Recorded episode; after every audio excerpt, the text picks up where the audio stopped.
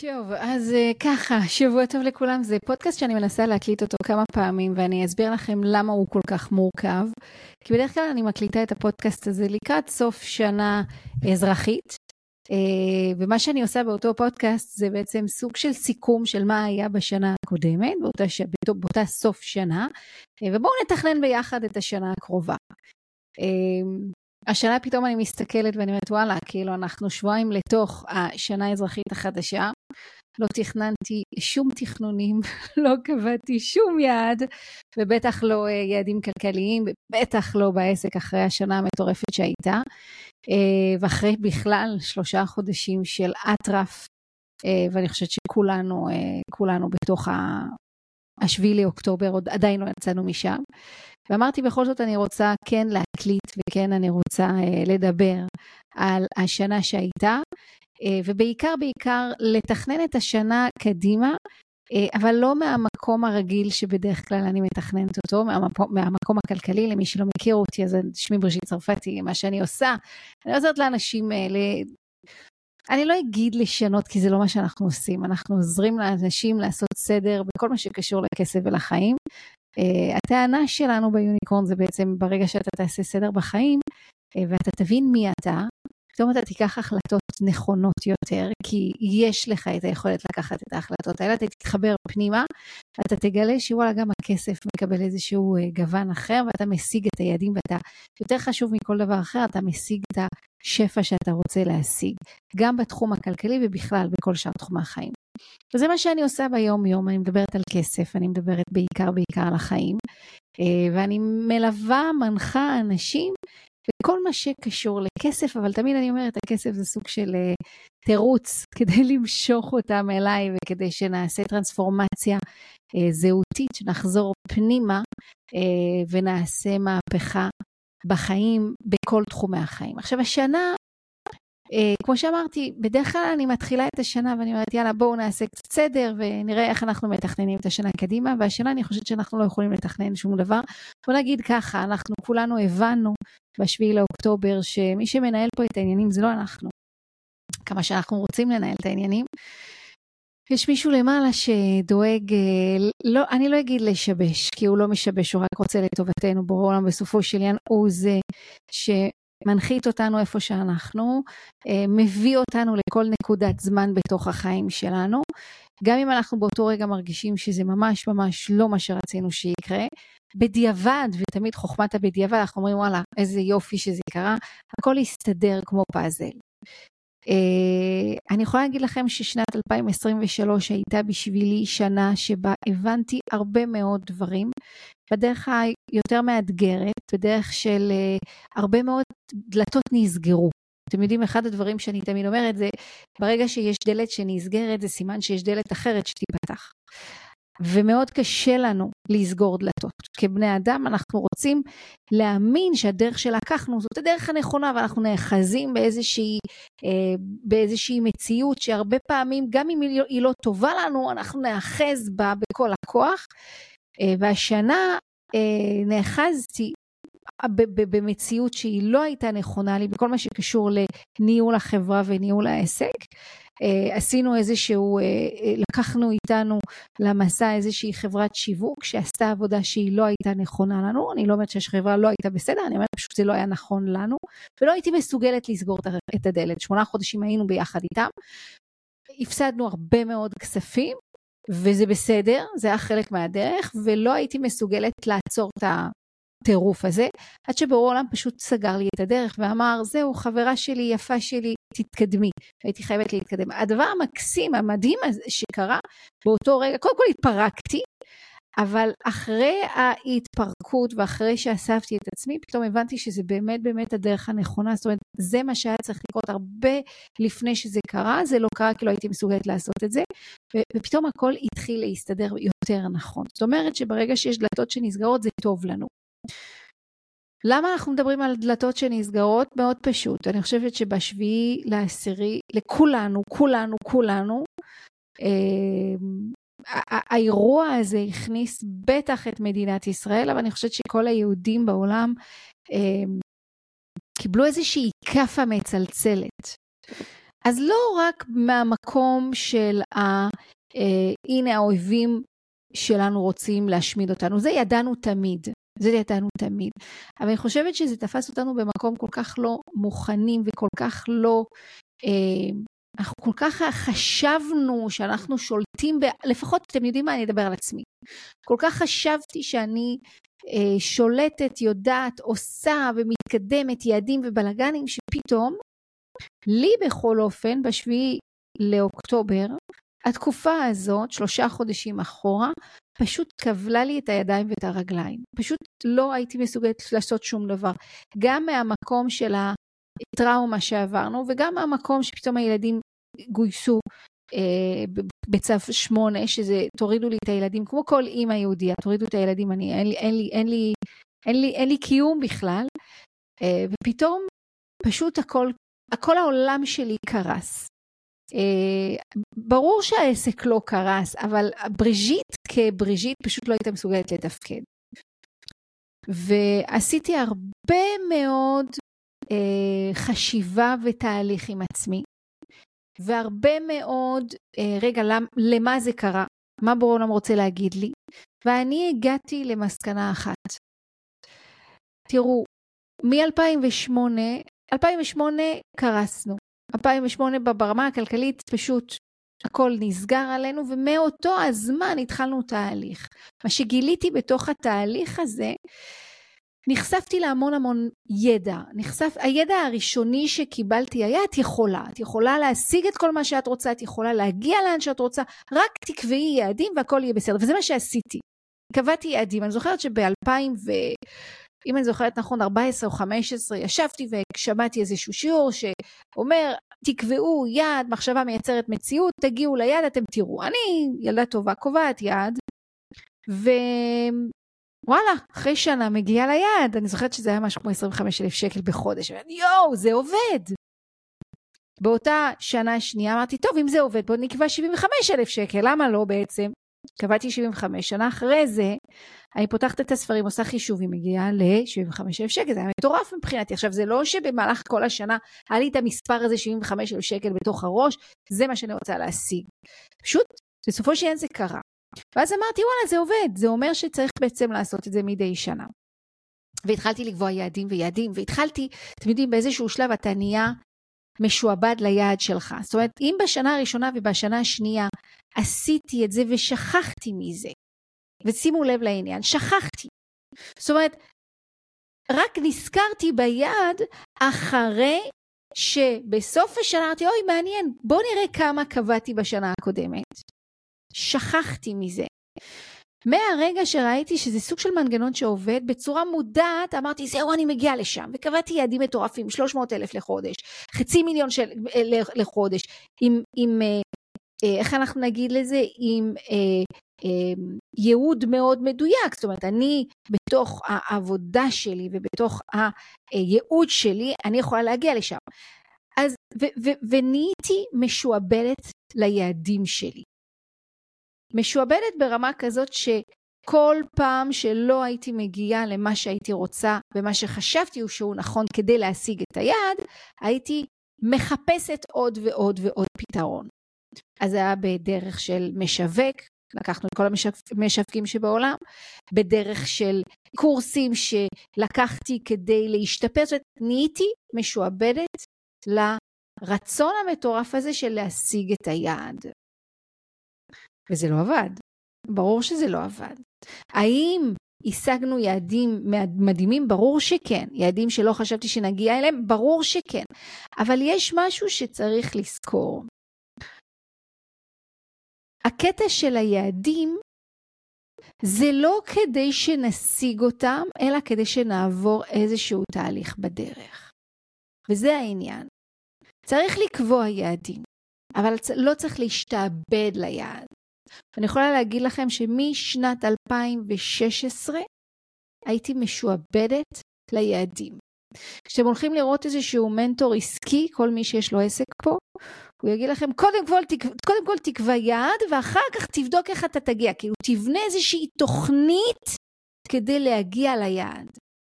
ברגע שאנחנו קובעים את התוכנית הזאת, אנחנו נהיים משועבדים לאותה תוכנית, והרבה מאוד פעמים אנחנו בכלל שוכחים בשביל מה בכלל הקמנו את העסק הזה, מה הייתה המטרה של העסק הזה. וזה פחות או יותר מה שקרה. לא שכחנו מן השמיים, אני באמת אומרת, הייתה לנו השגחה עליונה ש... אף פעם לא שכחנו את היעד של העסק הזה, ותמיד אה, הייעוד מאוד מאוד החזיק אותנו, וזה מה שהשאיר אותנו ומשאיר אותנו בתוך העסק הזה.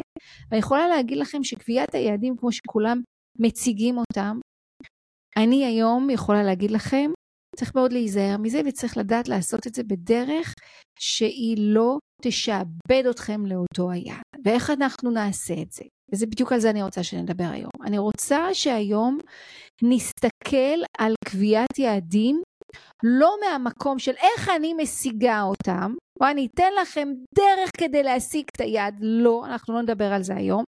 אנחנו נדבר היום על איך אנחנו נקבע יעד, נשיג אותו, אבל לא נשתעבד אליו.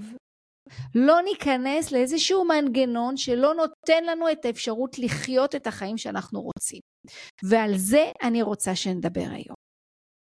את השביעי לעשירי אני לקחתי כעצירה של מרוץ מטורף. אני יכולה להגיד לכם שהרבה מאוד שאלתי את עצמי במהלך התקופה הזאת, למה?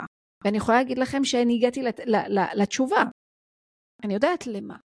כי אם הייתי ממשיכה באותה דרך עבודה, הייתי הולכת לאיבוד, הייתי נאבדת בדרך. זאת אומרת, לא בדרך של הייעוד, כי הייעוד הוא מאוד מאוד חזק, אבל בדרך של בריז'יט, בריז'יט הייתה נעלמת.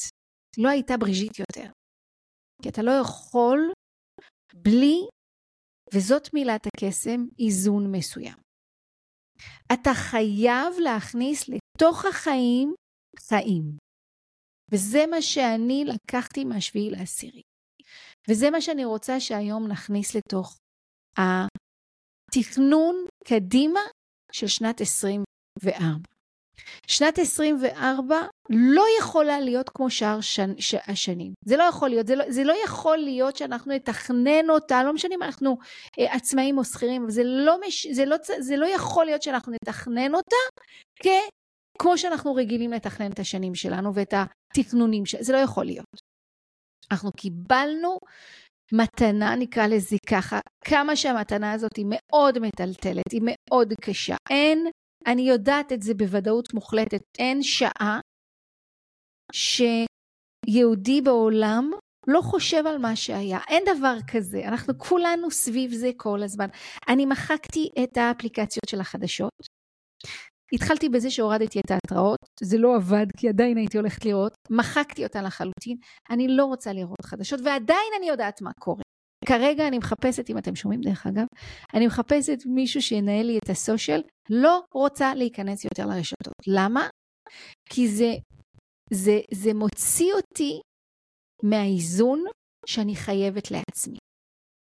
וברגע שאנחנו יוצאים מאיזון, אנחנו מאבדים את עצמנו. אז אני רוצה השנה שניקח את הפודקאסט הזה כדי להבין איך אנחנו מתכננים את השנה קדימה כשאנחנו מכניסים לתוך החיים שלנו איזון. אוקיי? אנחנו הולכים לתכנן, קחו לכם דף ועט אם, אם אתם רוצים, ואנחנו הולכים לתכנן את השנה קדימה, לא לפי יעדים מאוד מוגדרים, אלא איך אני עושה כדי להכניס לתוך החיים שלי את האיזון שיאפשר לי למשוך אליי את השפע. עכשיו, כשאני מדברת על שפע, אני לא מדברת אך ורק על שפע כלכלי. השפע הכלכלי, הוא יגיע ברג, ברגע שאתם תחיו באיזון. אני יודעת שזה נשמע הזוי, אוקיי? כולם מדברים על רווחה כלכלית ושפע, ובוא תלמד איך אתה משיג את זה, אז תבנה תקציב, תעבוד לפי הסדר, זה נכון. כל מה שאתם אומרים וכל מה שאני אומרת זה נכון. אנחנו עכשיו משיקים את תוכנית שנקראת Jump Start, תעקבו אחרי הפרסומים, ושם בשיעור הרביעי אני מדברת על הטרנספורמציה הכלכלית. כן, אתה צריך להתנהל ולנהל את המספרים בדרך מסוימת. האם זה כל מה שצריך לעשות כדי להגיע לשפע? לא. אתה לא תגיע לשפע מזה שאתה מנהל מספרים, אתה לא תגיע לשפע מזה שאתה עובד לפי סדר מסוים ושאתה משקיע את הכסף, מחסל, לא, אתה לא תגיע לשפע. מתי אתה תגיע לשפע? אתה תגיע לשפע ברגע שה mindset שלך יהיה נכון. ברגע שאתה תכניס לתוך החיים שלך איזון. איך אתה מכניס איזון לתוך החיים שלך? על זה אנחנו רוצים לדבר היום, ועל זה אני רוצה שתתכננו את השנה שלכם קדימה. לא על מה אני משיג בפועל, אלא איך אני יוצר לתוך החיים שלי איזון, כדי שבצורה אינטואיטיבית ובצורה טבעית, בלי להתאמץ בכלל, השפע ייכנס לתוך החיים שלי. זה מה שאני מאחלת לכם. ועל זה אני רוצה את הפודקאסט היום. אוקיי? אז בואו בוא נתחיל להבין קצת. כשבעצם אנחנו, ניקח את המקום הזה שאנחנו בחוסר איזון. בואו נתחיל מזה שהחוסר איזון מגיע באיזשהו מקום מ... אמ, מחוסר יכולת להקשיב לעצמנו. זאת אומרת שהטענה שלי מאוד פשוטה, אנחנו כולנו נולדים עם היכולת הזאת לחיות באיזון. כולנו יודעים בצורה מאוד מאוד מדויקת מה אנחנו רוצים להשיג, איך אנחנו נשיג את זה? כולנו יודעים מה טוב לנו. אני יודעת בצורה מאוד אינטואיטיבית, יש לי אינטואיציה מאוד חזקה, וגם לכם דרך אגב, יש אינטואיציות מאוד מאוד חזקות, ואותה אינטואיציה יודעת להוביל אותי לאיזון. אוקיי? אני יודעת למשל שמה שנכון לי, אוקיי? זה למשל, סתם אני אומרת כרגע, לקום בבוקר בחמש ולהתחיל לקרוא ולא להיות ברשתות ולא להיות על במה ולעשות דברים מסוימים שהם טובים לי, להתחבר למשפחה. אני יודעת מה נכון לי. האם מה שנכון לי יהיה נכון למישהו אחר? לא. ממש ממש לא. אבל בצורה אינטואיטיבית אני כן יודעת מה נכון. עכשיו, מה שבעצם קורה, גיל מגיל אפילו לפני הלידה, אפס, שנה, שנתיים, עדיין אנחנו מאוד מאוד נקיים, אני קוראת לזה יוניקורן, אנחנו עדיין יוניקורנים, מאוד נקיים ומאוד יודעים מה נכון לנו ומה לא נכון לנו, בגלל זה גם בדרך כלל אימהות מאוד קשובות לנו, ואז בעצם אם לא בא לנו לאכול הם לא ידחפו לנו עוד ועוד ועוד אוכל, בדרך כלל, או שאם אנחנו עייפים יניחו אותנו לישון לתוך המיטה ולא יחזיקו אותנו ככה אה, ערים אה, בכוח. באיזשהו שלב בחיים, שנתיים, שלוש, חמש, שש, החיבור הזה עם האינטואיציה משתבש. למה הוא משתבש? כי בעצם מה שקורה מסביב, אנחנו סופגים כל מיני אמונות, כל מיני אה, ידיעות, שלאט לאט אותן אמונות הופכות להיות לנו טבע שני, זאת אומרת באיזשהו שלב, בגלל שאני שומעת אמונות כאלה, תכף ניתן דוגמאות, אבל אני שומעת אמונות עוד ועוד ועוד, זה הופך להיות לי לאמת, ובסופו של עניין אני מאמצת את האמונות האלה. למשל, אה, כדי להיות בריא צריך שמונה שעות שינה. נתחיל מזה. ואז בעצם ברגע שאין לך את השמונה שעות שינה, אתה תהיה בסטרס, כי אתה תגיד, וואלה, אני לא אהיה בריא, אני אהיה עייף. אבל איפה כתוב שצריך שמונה שעות שינה? נכון, יש מחקרים שמוכיחים ש...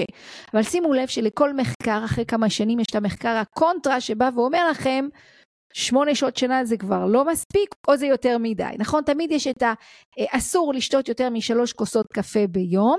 אחרי עשר שנים, הקפה זה הדבר הכי בריא שקיים בעולם. נכון? לכולנו יש את הניסיון הזה סביב אותם מחקרים. אז אני לא אומרת שהמחקרים האלה צודקים או לא צודקים, אני אומרת ש... לכולנו יש את הידיעה המאוד ברורה מה טוב לי, מה נכון לי. אני יודעת להגיד מתי אני עייפה, מתי אני רוצה ללכת לישון ומתי, כמה שעות שינה אני צריכה. מה שבעצם קורה זה בגלל שאומרים לי כל הזמן שמונה שעות שינה, שמונה שעות שינה, שמונה שעות שינה, באיזשהו שלב אני כבר מאמינה לזה, ואם אין לי את השמונה שעות שינה אני אכנס לסטרס. ומאותו המקום של סטרס אני יוצאת מאיזון. וזה בעצם האתגר. האתגר הוא לנטרל את רשעי, רעשי, סליחה, הרקע, ולסמוך על האינטואיציות הפנימיות, כדי להיות באיזון הזה, להבין שהאינטואיציה הפנימית זאת האינטואיציה שהיא נכונה לי.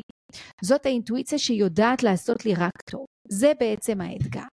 עכשיו, אם אנחנו לוקחים אה, כל מיני דוגמאות אחרות מהמקום נגיד של הכסף, בואו ניקח קניית מותגים. למה אנשים קונים מותגים? כי הכניסו להם לתוך הראש שברגע שהם ילבשו את המותג הם יהיו מישהו מיוחד. עכשיו, לפה בואו נוסיף עוד תיאוריה אחת. תיאוריית הצרכים האנושיים, לכל אחד ואחד יש, ה, יש צרכים אנושיים, זה תיאוריות שהן מוכרות, מסלו, טוני רובינס, לואי מדייס, כל מיני. ובעצם התיאוריה אומרת שכל אחד ואחד יש לו צרכים אנושיים, ולכולנו יש בין חמש לשישה צרכים, אז יש את הצורך של האהבה, חיבור, אה, צורך בגיוון, צורך במשמעות, צרכים אנושיים. ובעצם לכל אחד ואחד יש את הצרכים האלה, אבל לכל אחד ואחד יש, המין, יש מינון שונה בצרכים האלה. זאת אומרת, לא לכולם יש צורך באותו צורך, לכולם יש צורך במשמעות, אבל לא לכולם יש את אותו אחוז של צורך במשמעות. למשל, לי יש צורך בצמיחה וביטחון, ולדוד יש צורך באהבה וחיבור וגיוון. בסדר? מתוך ששת הצרכים. האם יש לו גם צורך בביטחון? ברור לחלוטין. האם אני, לי יש צורך בביטחון, בגיוון? ברור לחלוטין. אבל זה, המינון הוא שונה. עכשיו, אנחנו בעצם נכנסים לסטרס, לחוסר איזון, ברגע שאותם צרכים לא מקבלים מענה. אם הצורך הדומיננטי שלי הוא בביטחון, או הצורך הדומיננטי שלי הוא בצמיחה, ופתאום אני מרגישה שאני לא מקבלת מענה לאותו הצורך, אני אכנס לחוסר איזון, וכדי לקבל חז... חזרה, להיכנס חזרה לאיזון, לרוגע, אני אעשה את כל מה שביכולתי כדי להשיג מענה לאותו הצורך. אם זה אומר שאני, למשל, אני צריכה את ה... יש לי את הצורך בצמיחה, אם אני אתרגם את הצמיחה שלי בהשגת יעדים כלכליים, אני אעשה את כל מה שביכולתי כדי להשיג את ההישגים הכלכליים האלה, את היעדים האלה. וגם אם זה משהו שהולך לפגוע בי, עדיין אני אעשה את זה. למה? תזכרו, אני רוצה להחזיר לעצמי את האיזון. המילת המפתח היא פה לזכור שאנחנו תמיד מחפשים רוגע, שלווה, איזון. זה מה שאנחנו רוצים לתוך החיים שלנו. והמוח הוא ממקום כל כך הישרדותי, זה מה שבעצם הוא מחפש. הוא מחפש כל הזמן להיות בנחת. ברגע שהוא יוצא מנחת, ברגע שהוא יוצא מאיזון, ברגע שהוא מרגיש איזשהו איום, הוא עושה את כל מה שהוא יכול כדי להחזיר חזרה את השקט. איך, שהוא, איך הוא יעשה את זה, זה לא מעניין. גם אם זה איזושהי דרך שהיא לא נכונה, עדיין הוא יעשה את זה. וגם אם במשך חמש, שש, שבע שנים מבחינתי צמיחה זה היה הצורך אנושי שיש לי, ככה אני נולדתי, זה ה-DNA שלי. ומבחינתי צמיחה זה היה להשיג התקדמות בתוך העסק לפי פרמטרים מאוד מדויקים של השגת יעדים. לא השגתי את היעד, אני אמצא את הדרך בכל הכוח להשיג את היעדים, גם אם זה צריך לפגוע בי, אני אעשה את זה. אם אנחנו לוקחים את זה אנשים שקונים מותגים. אנשים שקונים מותגים בדרך כלל, בדרך כלל, קונים ממקום של משמעות. זה בסדר, אין בזה שום דבר רע. אפשר לקנות מותג אם אתה אומר זה מי ש... זה, זה ייתן לי משמעות. בגלל זה אנחנו רואים את המותגים, אנחנו רואים שהם משחקים תפקיד מאוד מאוד גדול אצל המתבגרים שלנו. המתבגרים מאוד רוצים מותגים, למה? כי זה, התקופת התבגרות הזאת, זו תקופה שהם מגדירים את עצמם. ומחפשים כל מיני מותגים כדי להגדיר את עצמם. הכל בסדר. עד ש... הקנייה של המותגים הופכת להיות סוג של התמכרות. אה, מה זה התמכרות? התמכרות זה אותו המקום, אותה נקודה, שאני בעצם תולה את האיזון או את העושר שלי באותו אמצעי שמצאתי כדי לתת מענה לצורך. זאת אומרת, אם אני, כדי להשיג את האיזון שלי, אני צריכה לקנות מותגים, וגם אם אין לי כסף, אני אקח אה, אה, הלוואות, אני, אני אפרוס את התשלומים כדי לקנות, זאת אומרת, אני אעשה לעצמי משהו רע, זה נקרא התמכרות. זאת אומרת, אין שום בעיה בלרצות להשיג יעדים, אין שום בעיה בלקנות מותגים, אם אנחנו עדיין בצורה מודעת אומרים עד גבול מסוים. זה לא מה ששולט באיזון שלי. אתם מבינים? זה הגבול המאוד מאוד מאוד דק. אז אין בעיה לקנות מותגים, אין בעיה לקנות בגדים, לטוס לחו"ל, ליהנות מהחיים, אין שום בעיה, עד שבעצם אותה טיסה מגדירה את רמת האושר שלי. את רמת האיזון שלי. אותו אמצעי מגדיר את רמת האיזון. אם האמצעי מגדיר את רמת האיזון שלי, זה אומר שהאמצעי הזה הפך להיות התמכרות. התמכרתי לאמצעי הזה. ופה אנחנו בבעיה. וזה בעצם הסיכון הגדול, אוקיי?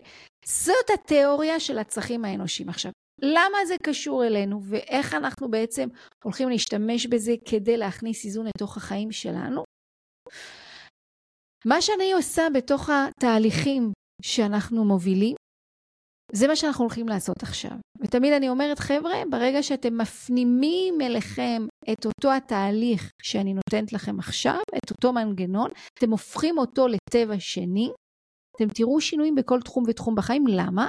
כי אתם תהיו מסוגלים לקחת את המנגנון ולהדביק אותו, ליישם אותו לתחום אחר. וזה מה שאני רוצה לתת לכם היום. כדי לצאת מהמעגל הזה של ההתמכרות, כדי לצאת מהמקום הזה שאנחנו בעצם תולים בלי לדעת, בלי לשים לב, את האושר שלנו, את האיזון שלנו באיזשהו אמצעי שהפך להיות התמכרות, מה שאנחנו, מה שאנחנו צריכים לעשות זה לעבוד בארבע שלבים. תרשמו. השלב הראשון הוא קודם כל לנשום. ברגע שאני מרגישה שאני נסחפת לתוך איזשהו מנגנון שהוא לא נכון לי, ברגע שאני רואה שאני עושה משהו כתגובה אה, הישרדותית, פשוט לעצור את הרכבת, לנשום. ממש ברמה הזאת, נשימה, נשמה, להתחבר. נשימה זה אותן אותיות כמו נשמה, להתחבר, לעצור את הרכבת. קודם כל. אני עוצרת את הרכבת, ואז אני, מתוך הנשימה הזאת, אני מתבוננת על עצמי. רגע, שנייה, מה את עושה פה? מה, מה העניין פה? למה לקחת עוד ועוד חברות שיווק? למה בעצם לקנות עוד ועוד ועוד מותגים? האם זה באמת נותן מענה לצורך שלך? רגע, מה הצורך שלך? בוא נבין. את קונה מותגים? את אוכלת יותר מדי שוקולד? למה? מתי את אוכלת שוקולד? מתי את קונה? מתי את הולכת לקניון ומפרקת את הכרטיס אשראי? בשלב הזה, אחרי הנשימה, אנחנו עושים שיקוף. השיקוף הזה, התפקיד שלו להתבונן. זה התפקיד שלו. לתת לי תמונת מצב. במרץ, לא, סליחה, במאי, כשאנחנו ירדנו מהרכבת הזאת של השיווק, לא ירדנו, סליחה, בורא העולם הוריד אותנו מהרכבת של השיווק. לקח לי שלושה ימים להתרומם, ואז הסתכלתי אחורה ולקחתי את המספרים של העסק בחצי שנה האחרונה. והסתכלתי. אמרתי, בוא נראה מה החברה הזאת עשתה. לא עשתה כלום. זאת אומרת, מבחינת היעדים, לא השיגה יעדים. מבחינת ההכנסות, ההכנסות לא, לא עלו. כשאתה בתוך הרכבת של עצמך, אתה לא מסוגל לראות את זה. כשאתה במקום של הישרדות ואתה רץ, רץ, רץ, רץ כדי להשיג את היעד, אתה לא מסוגל לראות את זה, אתה פשוט לא מסוגל. היינו צריכים איזושהי בעיטה כדי לעצור את הרכבת. אני לא רוצה שיהיה לכם את הבעיטה הזאת, זה לא כיף, זה לא נעים. אז מה אנחנו עושים? ברגע שאנחנו מרגישים שהרכבת נוסעת יותר מדי מהר, אנחנו פשוט עוצרים שנייה. בצורה יזומה. בואו ננשום רגע. אני חושבת שבשביעי לעשירי הקדוש ברוך הוא פשוט עצר את הרכבת. הייתה, היה פילוג במדינה, אה, מטורף, עוד בחירות ועוד בחירות, ועדיין אנחנו לא מסכימים. בואו נעצור שנייה את הרכבת. זה נורא כאב, זה נורא מה שהיה. אבל לא הייתה ברירה. כנראה שלא הייתה ברירה, ככה הוא החליט. ואז הוא עצר את הרכבת. רגע, אתם יורדים מהרכבת ואתם מתחילים לעשות חשבון נפש. איפה אתם? מה אתם עושים? למה אתם עושים את מה שאתם עושים? לאיזה צורך אתם רוצים לתת מענה כשאתם עושים את מה שאתם עושים? זה לא משנה אם זה בכסף, זה לא משנה אם זה במערכות יחסים עם הבן זוג או הבת זוג, זה לא משנה עם הילד, זה לא משנה בקריירה, זה לא משנה. זה תמיד אותו מנגנון. עוצרים את הרכבת, עושים שיקוף, בודקים, רגע, מה קורה פה? מה אני עושה? ומהמקום הזה, מהמקום השני, שאני עשיתי את השיקוף של החיים, של אותו התחום שאני רוצה לעשות בו שינוי, אני אעבור לתחום בו, אני פשוט אחפש אלטרנטיבות. רגע, שנייה, מה עוד אני יכולה לעשות כדי לתת מענה לצורך? אני לא הולכת להתנגד לצורך. ממש לא. אני לא הולכת להגיד מה פתאום יש לי צורך במשמעות, תחנקי, לא תקבלי משמעות. אין דבר כזה. תזכרו, זה כמו מים. זה כמו אה, נחלים מתחת לאדמה, זה כמו שורשים, אנחנו נחפש תמיד דרך לתת מענה לצורך, וגם אם הצורך, הדרך לא תהיה נכונה, הצורך חייב לקבל מענה. אז לעצור את הרכבת, להתבונן, פשוט להתבונן, מה קורה פה? לאן לקחתי את החיים שלי? האם זה נכון? האם זה לא נכון? אם רע לי, אם אני לא מרגישה בנוח עם החיים שלי באיזשה, באיזשהו תחום, זה סימן שמשהו לא עובד. רק שמה, אנחנו כל כך עסוקים בלהשיג את היעד, שאנחנו אפילו לא עוצרים לבדוק אם משהו עובד או לא עובד. זה בדיוק העניין. אז בואו נחזור. אחד, לנשום. שתיים, להתבונן. שלוש, אנחנו נחפש אלטרנטיבות. רגע, שנייה. ברור שאני יודעת מה טוב לי. ברור. למה? כי יש בי את כל היכולות ואת כל הידע שאני צריכה כדי לצלוח בחיים האלה. העולם לא יכול לשלוח אותי בלי השק אה, ובלי הסל כלים. הוא שלח אותי מושלמת. זוכרים, יוניקורן, התקלקלתי בדרך. התנתקתי בדרך. אז רגע, בואו נחפש פנימה את הכלים האלה שיאפשרו לי להתחבר חזרה לאני האמיתי שלי, למי שאני בפנים. ואתם יודעים מה? ברגע שאתם תנשמו, ברגע שאתם תתבוננו, ברגע שאתם תבינו מי אתם, תבינו מה הצרכים שלכם, מה הכלים שאיתם הגעתם, ברגע שאתם תעשו עבודה פנימית, אתם תגלו את כל האלטרנטיבות. פתאום אתם תדעו בצורה מאוד מדויקת מה אתם צריכים. מאוד מאוד מדויק. ומשם אנחנו נרצה להטמיע את האלטרנטיבות החדשות. מה זה אומר להטמיע? אני צריכה להפוך אותם לטבע שני. אם עד היום הייתי מכורה, אני אדבר על עצמי, מכורה להשיג את היעדים האלה, אני לא אוותר על היעדים. אבל אני אדע שהם לא הדבר הכי חשוב. מה שהכי חשוב זאת הדרך שאני עושה.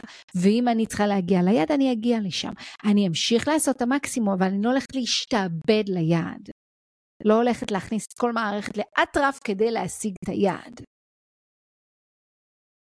העולם די הלך לאיבוד.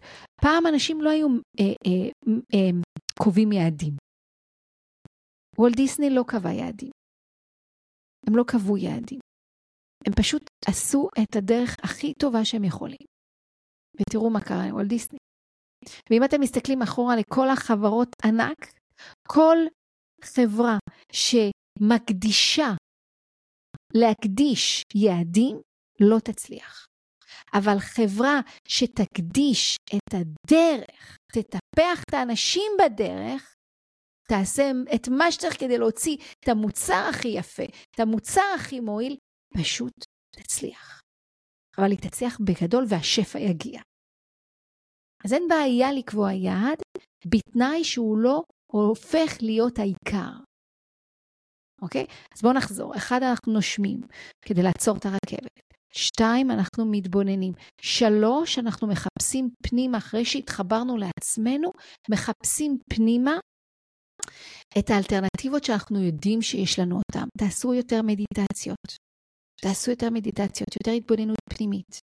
תעשו דמיונות מודרכים.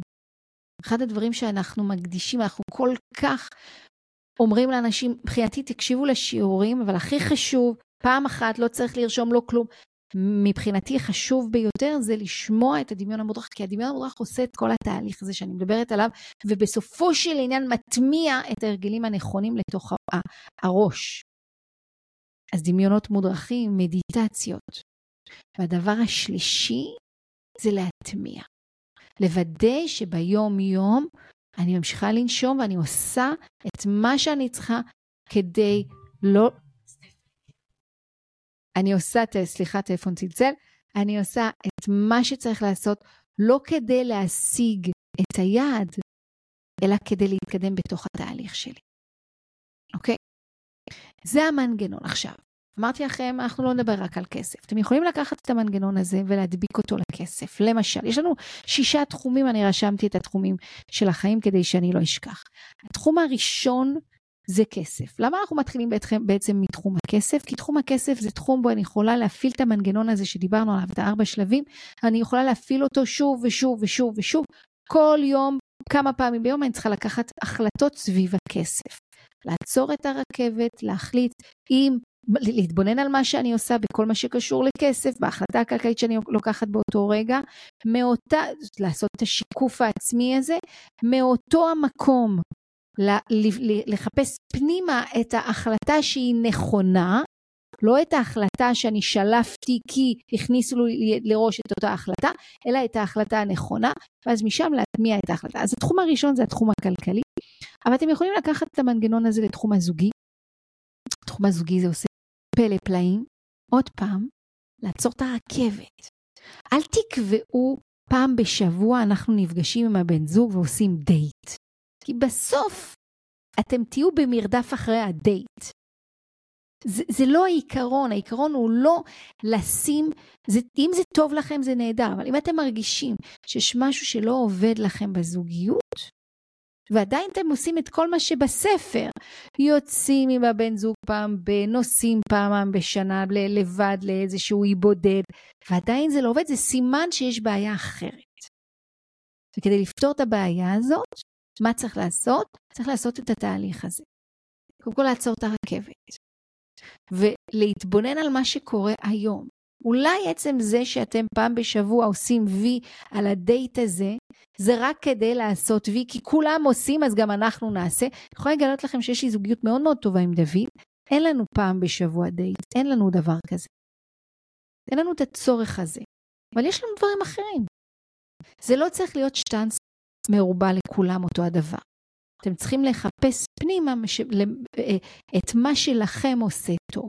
באותו מנגנון, לעצור את הרכבת, תעצרו את הרכבת ביחד. ותבדקו ביחד מה אתם עושים כדי לתת מענה כל אחד לצורך שלו, ואיך אתם יכולים לתת מענה כל אחד לצורך של השני. זה שיעור אחר זוגיות, אבל זה אותו מנגנון. אנחנו אולי נעשה יום אחד פודקאסט זוגי. הדבר השלישי אמרנו לחפש פנימה את האלטרנטיבות, את האלטרנטיבות שהן נכונות לכם ומשם להטמיע. אתם מבינים? זה תמיד אותו מנגנון. תמיד אותו מנגנון. תיקחו את זה לזוגיות, לחינוך ילדים, לקריירה. תיקחו את זה לכסף כמובן, בריאות הנפש ובריאות הגוף. כמה אנחנו שוכחים מזה. תעצרו את הרכבת רגע. ותקבעו שב-2024 אתם הולכים לחיות באיזון. אתם תיקחו את, ה, את, ה, את המנגנון הזה שנתתי לכם, והיעד לחיות באיזון. בגלל שאנחנו לא הולכים להגדיר יעד בצורה מאוד מרובעת, ובגלל שאי אפשר להגדיר יעד. אני לא יכולה להגדיר יעד של איזון. איך אתם תגדירו דבר כזה? אז בעצם ברגע שאתם תגידו לו, אני רוצה לחיות באיזון, אתה מגדיר את זה, שאני מרגיש טוב עם עצמי. זהו. 80% מהזמן.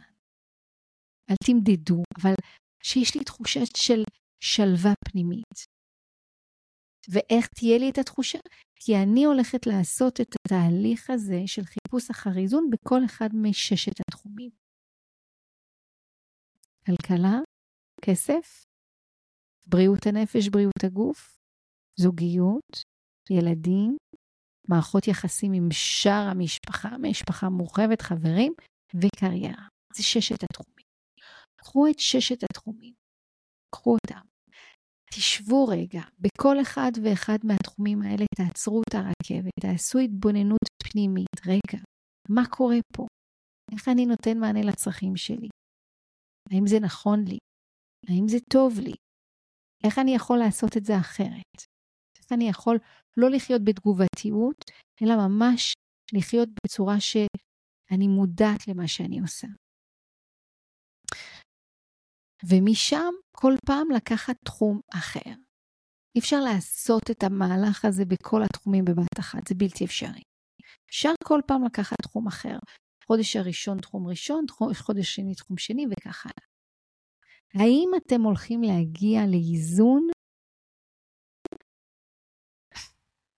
אז אני אגיד לכם מה, שוב, בגלל שהחיים הם תהליך, והעניין הוא לא להגיע לאיזשהו יעד, אלא לאט לאט להכניס יותר איזון ויותר נשימה לתוך החיים, כן, אתם תגיעו לסוג של איזון לגמרי.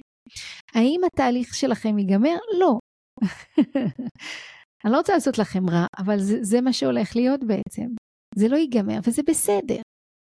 אני התחלתי תהליך ב-2008-2009. הייתי בטוחה שאני כבר יודעת הכל. ב-2015-2016 גיליתי את אמריקה עם כל העניין הזה של היעדים, ראיתי שזה עובד, נשאבתי לזה. נשאבתי. עצרתי את הרכבת במאי 2023. ואתם יודעים מה? עצרתי את הרכבת, עשיתי, עשיתי כמה שינויים, אבל עדיין לא באמת באמת עצרתי את הרכבת, המשכתי עם היעדים. עד אוקטובר, עד השביעי לאוקטובר, שבאותו תאריך, כשאני התבוננתי על החיים, לא הייתי מרוצה. אמרתי, אם הכל נעצר עכשיו, והכל נגמר עכשיו, האם את מאושרת? וואלה, לא. ומאותו רגע התחלתי לחפש למה זה קרה, בשבילי, במקום הקטן שלי, לא במקום המדיני ולא במקום הבינלאומי, במקום הקטן שלי בשביל מה זה קרה. והתשובה שלי הייתה כדי להכניס יותר חיים לתוך החיים. ולא פלא ש-2024 התחילה בלי שאני אעשה את הבדיקה הזאת של לאן אני לוקחת את העסק, זה לא מעניין אותי כבר. אני אקח אותו לאן שאני צריכה לקחת אותו, אני יודעת את זה. כי זה ייעוד, כי זה משהו שהוא בתוכי, שאני לא יכולה לעצור. שבו עולם שולח לי כל יום הודעות של אנשים שאומרים לי, תראי, לאן לקחת אותי? השבוע, לפני שבוע קיבלתי הודעה, קנינו בית למישהו שלפני שנתיים היו בחובות. לפני כמה ימים אני מקבלת הודעה בראשית, הפסקתי לעשן. אז ברור העולם דואג לשלוח לי את המסרים האלה של תמשיך עם הייעוד, זה עובד. אבל גם אל תשכחי שבתוך הייעוד הזה יש לך חיים. ואם את לא תחי באיזון, זה לא יעבוד. זה פשוט לא יעבוד. אז לא סתם לא עשיתי את התחזית שאני רגילה, פתאום אני מסתכלת אחורה, אומרת, רגע, שנייה, איפה התחזית? לא, את לא הולכת לעשות תחזית השנה. את לא הולכת לקבוע יעדים. מי שיקבע את היעדים זה ברור למה. את הולכת להמשיך לעשות את המקסימום שלך, ואת הולכת להכניס הרבה מאוד חיים לתוך החיים. וזה מה שאני מאחלת לכם לשנה האזרחית הזאת יפים שלי. תכניסו חיים לתוך החיים. יש סיירות שהולכים להצטרף לתהליך הזה, אנחנו הולכים, אני מגלה לכל מי ששומע, סיירות זה מי שעשה איתנו תהליך אי פעם, אז אנחנו הולכים לפתוח כיתה אה, של מי שעבר תהליך איתנו, ואני רוצה לקחת אותם לתוך המקום הזה של אנחנו ח... מכניסים חיים לתוך החיים, אנחנו הולכים לעבוד ביחד על כל תחום ותחום בחיים. כל מי שעדיין לא עשה תהליך, אני מזמינה אתכם, תיצרו איתנו קשר, בימים הקרובים אנחנו מתחילים כיתה חדשה. אבל חבר'ה, גם אם אתם לא מצטרפים לכיתות, גם אם אתם לא אה, לוקחים איזשהו מוצר שאנחנו הוצאנו, הוצאנו ג'אמפ סטארט, שמבחינתי זה וואו, כי כבר חמש שנים רציתי, הנה, אגב, אגב, יעדים. זה היה בתוך הרשימה, למה לא הוצאתי אותו? נשאבתי, פשוט נשאבתי. אז גם אם אתם תמשיכו רק לשמוע לפודקאסט, לפודקאסטים זה נהדר, אם אתם תצטרפו אלינו למיזם זה גם נהדר. אבל מה שאני ממליצה זה לקחת דף ועט, לשמוע עוד פעם את הפודקאסט, ופשוט להתחיל להכניס חיים לתוך החיים. תבדקו כל אחד ואחד מששת התחומים ש, של החיים ש, שהזכרתי היום. תקחו עוד פעם את המנגנון הזה, תשמעו אחורה את המנגנון שנתתי לכם, ותבדקו אם החיים שלכם אה, מנוהלים על ידיכם, או שאתם רק בתגובתיות ורק נשאבתם. ואם אתם מרגישים שנשאבתם, הכל בסדר, תעצרו את הרכבת, תרדו ממנה רגע, ותבדקו איך אתם יכולים לעלות אליה חזרה, אבל קצת יותר uh, מאוזנים. קצת יותר יוניקורנים. תודה רבה רבה על ההקשבה, זה היה פודקאסט מקסים, אני מאוד מאוד נהניתי. אה, פודקאסט שהקלטתי במוצאי שבת, יכול להיות שזה הולך להיות אה, הרגל חדש של להקליט פודקאסט מוצ"ש, כי זה סוג של בואו נפתח ביחד את השבוע.